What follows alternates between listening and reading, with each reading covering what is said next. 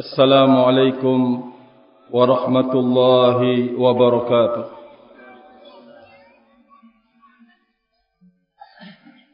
الله أكبر الله أكبر الله أكبر ولله الحمد.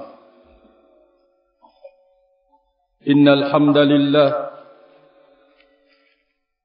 نحمده تعالى ونستعينه ونستغفره. ونعوذ بالله من شرور أنفسنا وسيئات أعمالنا. من يهده الله فلا مضل له ومن يضلل فلا هادي له. أشهد أن لا إله إلا الله وحده لا شريك له وأشهد أن محمدا عبده ورسوله. يقول الله تبارك وتعالى في كتابه يا أيها الذين آمنوا اتقوا الله حق تقاته ولا تموتن إلا وأنتم مسلمون. يا أيها الناس اتقوا ربكم الذي خلقكم من نفس واحدة وخلق منها زوجها وبث منهما رجالا كثيرا ونساء. واتقوا الله الذي تساءلون به والأرحام. إن الله كان عليكم رقيبا. يا أيها الذين آمنوا اتقوا الله وقولوا قولا سديدا. يصلح لكم أعمالكم. ويغفر لكم ذنوبكم ومن يطع الله ورسوله فقد فاز فوزا عظيما فإن أصدق الحديث كتاب الله وخير الهدي هدي محمد صلى الله عليه وسلم وشر الأمور محدثاتها فإن كل محدثة بدعة وكل بدعة ضلالة وكل ضلالة في النار. أعاذني الله وإياكم من النار. عباد الله الله عز وجل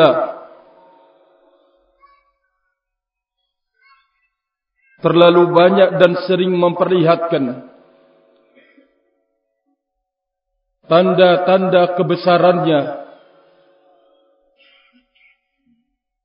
Untuk menegur hambanya. Atau menghukum orang-orang yang memang pantas untuk mendapatkan hukuman darinya. Atau menguji mereka-mereka yang beriman kepada Allah Azza wa Jalla. Menyapa mereka dalam setiap saat. Mengingatkan mereka dalam setiap waktu. Tidak henti-hentinya. Agar hamba-hamba itu kembali kepada Allah Azza wa Jalla. Bisa dia berada dalam kebaikan atau bisa dia berlumuran dengan noda-noda dosa dia bisa kembali kepada Allah Subhanahu wa taala Allahu akbar Allahu akbar. Apa yang dilakukan oleh kaum muslimin pada hari ini yang didahului dengan sayyidul ayyam pada hari Jumat dilakukan khutbah Jumat pada hari Sabtunya pada tanggal 9 dilakukan pertemuan seluruh kaum muslimin di Arafah kemudian khutbatu Arafah. Dan yang sekarang adalah khutbatul Id ini menunjukkan kepada kita sebagai sapaan Allah Azza wa Jalla terhadap mereka yang beriman sekaligus mengingatkan mereka bahwa mereka akan selalu berada dari pintu kebajikan menuju kebajikan berikutnya dari pintu kebaikan kepada kebaikan yang keberikutnya. Namun aduhai, betapa sedikit orang yang mau terpanggil oleh Allah Azza wa Jalla. Betapa sedikit dari hambanya yang mau kembali kepada Allah Azza wa Jalla. Betapa sedikit dari hambanya yang mau pelajaran-pelajaran berharga dan penting di dalam hidupnya. Mari kita mendengarkan apa yang dijelaskan oleh Allah Azza wa Jalla untuk menegur, memanggil, mengingatkan, mengajarkan, memberikan pengetahuan kepada hamba-hambanya. Wa min ayatihi al-lailu wan-nahar wasyamsu wal-qamar sesungguhnya termasuk dari tanda-tanda kebesaran Allah Azza wa Jalla. Adanya malam. Adanya siang. Matahari. Dan bulan. Allah Azza wa Jalla mengingatkan. Inna fi khalqis samawati wal ardi wa ikhtilafil laili wan nahar. Sesungguhnya dalam penciptaan langit dan bumi kemudian pergantian malam dan siang. Inna fi dzalika laayatin liulil albab. Sesungguhnya dalam proses dan penciptaan semua makhluk itu menjadi tanda-tanda kebesaran Allah Azza wa Jalla. Afara'aytum ma tahruthun? A antum tazra'unahu am nahnu az-zari'un Tidakkah kalian melihat? Tidakkah kalian menyaksikan? Tidaklah kalian mempelajari apa yang kalian tanam? Lalu kaliankah yang menumbuhkannya atau kami yang menumbuhkannya kata Allah Azza wa Jalla? Apa ra'aitumul ma alladhi tashrabun? A antum anzaltumuhu minal muzni am nahnul munzilun? Bagaimana pendapat kalian? Apa yang kalian ketahui? Apa yang kalian lihat dan fahami? Tahukah bagaimana? Allah Azza wa Jalla menurunkan air. Air yang kalian minum, kata Allah Azza wa Jalla. Kaliankah yang menurunkannya dari awan? Atau kami yang menurunkannya? Apa ra'aitumun nar? Allati turun. A antum ansha'tum sajarataha am nahnul munshi'un? Bagaimana pendapat kalian? Terkait dengan api yang kalian sulut dengan kayu-kayu. Kaliankah yang menumbuhkan kayu-kayu itu? Atau kami yang menumbuhkannya kata Allah Azza wa Jalla Sekali lagi. Ini adalah panggilan dari Rabbuna subhanahu wa ta'ala. Yang suatu saat. Kita akan kembali kepadanya. Untuk kemudian memperli, men, akan melihat. Tentang apa yang Allah azza wa jalla. Telah perlihatkan kekuasaannya dan kebesarannya di muka bumi ini. Sampai Allah azza wa jalla. Mengajak hambanya untuk belajar terhadap perkara-perkara yang kecil. Binatang-binatang. Afala yanzuruna ilal ibiki kaifa khuliqat? Afala yanzurun ilal ibili kaifa khuliqat?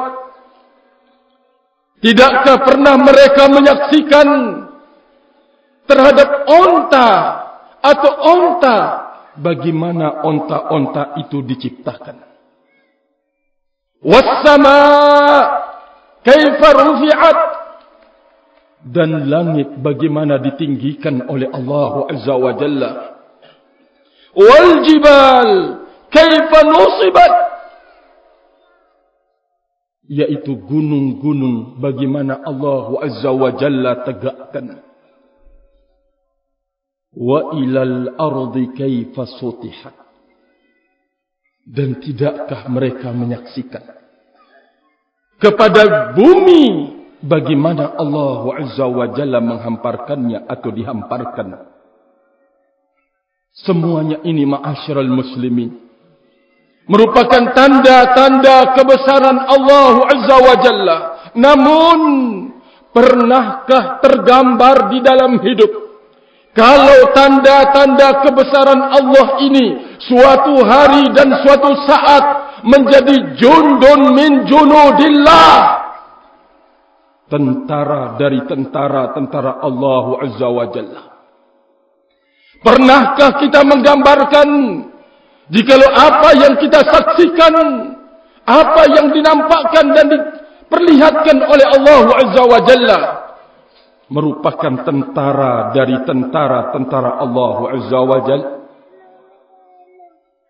Pernahkah kita menggambarkan di suatu saat kita terjatuh di dalam dosa dan kemaksiatan, semua makhluk-makhluk Allah Azza wa Jalla ghadabat, murka dan marah kepada kita disebabkan karena marah pemiliknya kepada kita yaitu Allah Azza wa Jalla. Pernahkah kita menggambarkan di dalam hidup Di saat kita terjatuh di dalam dosa dan kemaksiatan Jikalau makhluk-makhluk itu marah dan murka Disebabkan karena marah dan murka pemiliknya Yaitu Allah Azza wa Jalla Mungkin belum pernah tergambar ma'asyiral muslimin yang saya hormati. Sementara Allah Azza wa Jalla menyebutkan tusabbihu lahu samawati sab'u wal ard wa man fihinna bertasbih kepada Allah Azza wa Jalla memuji Allah Azza wa Jalla langit yang tujuh lapisnya. dan bumi serta segala apa yang ada di antara keduanya.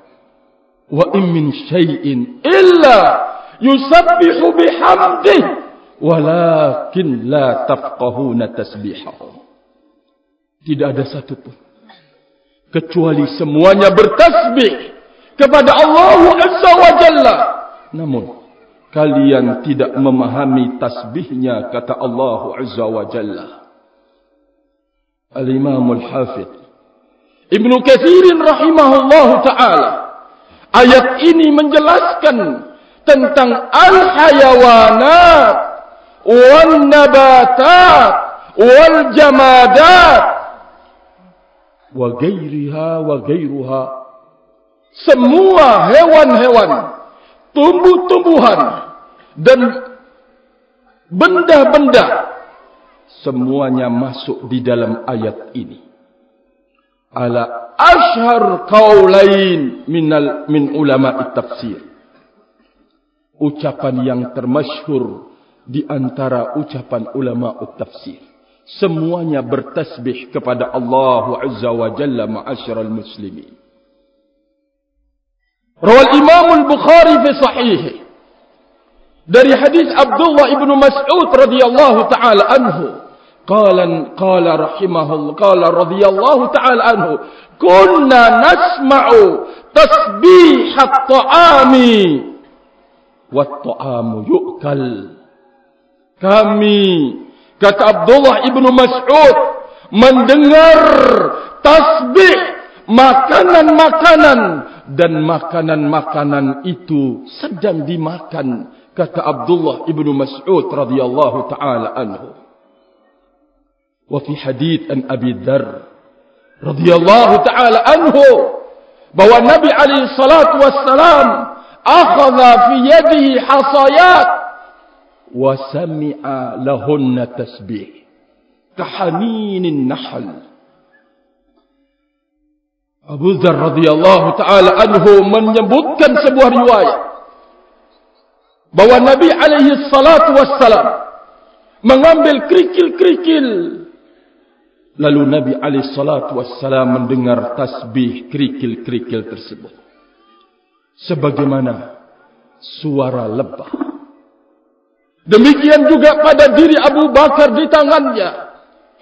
Juga Umar ibn al-Khattab radhiyallahu taala an, Uthman ibn Affan, radhiyallahu taala anhum mendengar menyaksikan semua keajaiban terhadap makhluk-makhluk Allah Azza wa Jalla. Ibadallah. Pernahkah kita membayangkan atau menggambarkan di dalam hidup kalau ini semua merupakan jundun min junudillah tentara dari tentara Allah Azza wa Jalla atau pernahkah kita tergambar di dalam hidup? Kalau semua makhluk itu marah. Di saat kita terjatuh di dalam dosa. Di saat kita terjatuh di dalam kemaksiatan. Disebabkan karena marah pemiliknya yaitu Allah Azza wa Jalla. Ya ibadallah. Mereka adalah orang-orang yang taat kepada Allah. Mereka adalah orang-orang yang tunduk, makhluk yang tunduk kepada Allah subhanahu wa ta'ala. Faya ibadallah. Apa yang kita katakan di saat kemudian terjadi gunung meletus, apa ucapan kita di saat kemudian terjadi zalazil, yaitu gempa, bersusulan gempa di daerah-daerah yang berbeda-beda. Apa yang kita akan katakan ya ibadah Allah? Terjadinya tanah longsor, terjadinya tsunami, atau kebanjiran. Semuanya itu adalah jundun min junudillah. Apakah peristiwa dan kejadian itu adalah fenomena alam yang tidak ada sangkut pautnya dengan dua makhluk yang berat yaitu at-taqalain al-jinni wal ins yang tidak ada sangkut pautnya dengan orang-orang yang terkenai dosa dan pahala Maka jawabannya, semua peristiwa itu akan menjadi satu menegur hamba-hambanya. Kedua, sebagai hukuman terhadap orang yang pantas untuk mendapatkan hukuman dari Allah Azza wa Jalla. Yang ketiga, bagi mereka-mereka yang beriman kepada Allah. Mereka-mereka yang taat kepada Allah Azza wa Jalla. Maka semua peristiwa ini akan menjadi ujian di dalam hidupnya. Dialah keluar dengan keimanannya menjadi pemenang di kehidupan dunia ini. Dialah yang akan keluar menjadi pecundang terhadap semua warna-warni hidup karena merekalah yang akan bisa mengambil pelajaran. Jikalau itu menyenangkan, dia jadikan sebagai lapangan amal solehnya dan jikalau itu menyusahkan dia jadikan juga sebagai lapangan amal solehnya maka jikalau seseorang muslim dan muslimah telah melakukan terbaik buat Allah Azza wa Jalla. Bisa dia senang bisa dia gembira atau bisa dia mengalami kesusahan. Maka dengarkan. Dengarkan firman Allah Azza wa Jalla sebagai busra kabar gembira. Alaisallahu biqafin abdahu mereka-mereka lah yang mendapatkan pertama kali ayat ini kata Imam Ibnul Qayyim rahimahullahu taala. Mereka lah yang pertama kali mendapatkan ayat-ayat ini. Ayat ini alaisallahu biqafin abdahu. Bukankah Allah Azza wa Jalla akan memberikan kecukupan kepada hambanya? Al-kifayatu tammatu ma'al ubudiyyati tammah wal naqisatu ma'an naqisati. Faman wajada khairan falyahmadillah wa man wajada ghaira dhalik fala yalummanna illa nafsahu. Kata Imam Ibn Al-Qayyim rahimahullah. Kecukupan, bantuan, penjagaan, perlindungan dari Allah Azza wa Jalla akan didapatkan oleh seorang muslim dan muslimah dengan sempurna di saat dia mewujudkan dengan kesempurnaan pula ubudiyahnya. Ubudiyah dia kepada Allah di saat dia senang dan juga di saat dia susah. Kata beliau menyebutkan namun kebanyakan orang berubudiyah kepada Allah di saat dia dia senang di saat senang jarang orang-orang mampu berubudiyah di saat dia susah. Kita berharap kepada Allah Azza wa Jalla. Allah Azza wa Jalla memasukkan kita ke dalam golongan orang yang mampu mewujudkan ubudiyahnya, ibadahnya kepada Allah di saat dia dia di saat dia senang atau menjadi orang yang terbaik di saat mendapatkan kesusahan, ujian dan cobaan dari Allah Azza wa Jalla. Derajat, ketinggian dan juga kedudukan diperoleh kata Imam Ibnul Qayyim rahimahullah di saat seseorang mampu berubudiyah kepada Allah Azza wa Jalla di saat dia susah di saat dia mendapatkan ujian dan cobaan. Barang siapa yang mendapatkan ganjaran kebaikan hendaklah dia memuji Allah Azza wa Jalla. Dan barang siapa yang mendapatkan nilai yang buruk jangan sekali-kali dia mencela kecuali dirinya sendiri.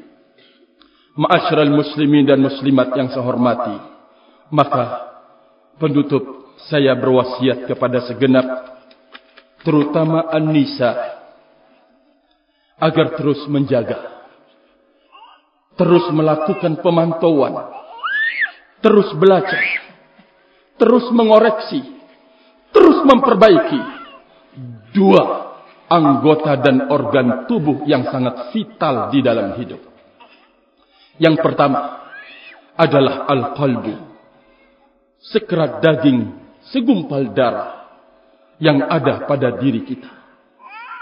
Butuh pelurusan butuh penjagaan, butuh perlindungan, karena akan muncul darinya iradah, kemauan, keinginan-keinginan.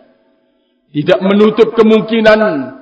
Karena kurangnya iman, kurangnya ketakwaan kita kepada Allah Azza wa Jalla, lemah dan loyo serta lesunya kita akan datang dijadikan sebagai sarang oleh iblis laknatullah alaihi menginginkan perkara-perkara yang jelek, menginginkan hal-hal yang buruk dan membahayakan di dalam hidup, maka harus dijaga, dijaga, dijaga, dilindungi agar jangan sampai muncul suatu hari dan suatu saat kemauan dan keinginan buruk yang kita tidak bisa kembali kepada keinginan yang baik lagi. Harus dijaga dan dilindungi ma'asyiral muslimin yang saya hormati. Yang kedua, alat yang cukup berbahaya di dalam hidup adalah anggota yang tidak bertulang. Yaitu lisan. Tikamannya lebih perih dan pedih dibanding dengan pedang yang tajam. Betapa banyak orang-orang yang terjatuh di dalam hukuman Allah Azza wa Jalla dan neraka disebabkan satu kalimat yang keluar dari lisannya. Dia menyangka kalau kalimat ini tidak berarti apa-apa. Namun dalam perhitungan-perhitungan Allah Azza wa Jalla menyebabkan dia terjatuh di dalam malapetaka dan mara bahaya hukuman dari Allah Subhanahu wa taala. Oleh karena itu, harus dijaga dan dilindungi. Dipelihara dengan ilmu yang berguna dan bermanfaat. Dengan ketakuan kita kepada Allah Azza wa Jalla menjaga dan melindungi yaitu organ tubuh yang tidak bertulang ini. Kalau kedua-duanya kita benar-benar menjaganya, benar-benar melindunginya dan juga memberikan perhatian yang dalam padanya. Fa'abshir fa'abshiri bergembiralah engkau wahai saudariku untuk kemudian lurus organ-organ yang lain. Sekali lagi, pesan saya kepada An-Nisa agar terus menjaga dan melindungi lisan, melindungi hati agar terus berada dalam takwa Allah Azza wa Jalla, takut kepada Allah Subhanahu wa taala karena kita tahu orang yang kurang agamanya, kurang akalnya, maka lisan itu sangat-sangat berbahaya. Maka oleh karena itu, ikat sekali lagi dengan bertakwa kepada Allah Azza wa Jalla. Ikat dengan ilmu kita berharap apa yang kita lakukan di lingkungan pondok pesantren terus belajar mewujudkan ilmu yang berguna dan bermanfaat akan bisa menjadi tameng dari di saat muncul niat-niat yang jelek dan buruk kita bisa kembali mencabutnya. Dan di saat keluar lisan-lisan yang kotor dan berbahaya kita bisa kembali untuk kemudian mencabutnya. Wallahu taala alam bissawab. Wallahu taala alam bissawab. Mungkin ini yang bisa saya sampaikan pada kesempatan kali ini. Semoga ada manfaatnya buat diri saya sendiri dan segenap saudaraku kaum muslimin dan muslimat ala muhammadin wa ala alihi wa sahbihi ajma'in. Wa akhiru da'wana anil hamdulillah subhanakallahumma wa bihamdika ashhadu an la ilaha illa anta astaghfiruka wa atubu ilaik. Wassalamu alaikum warahmatullahi wabarakatuh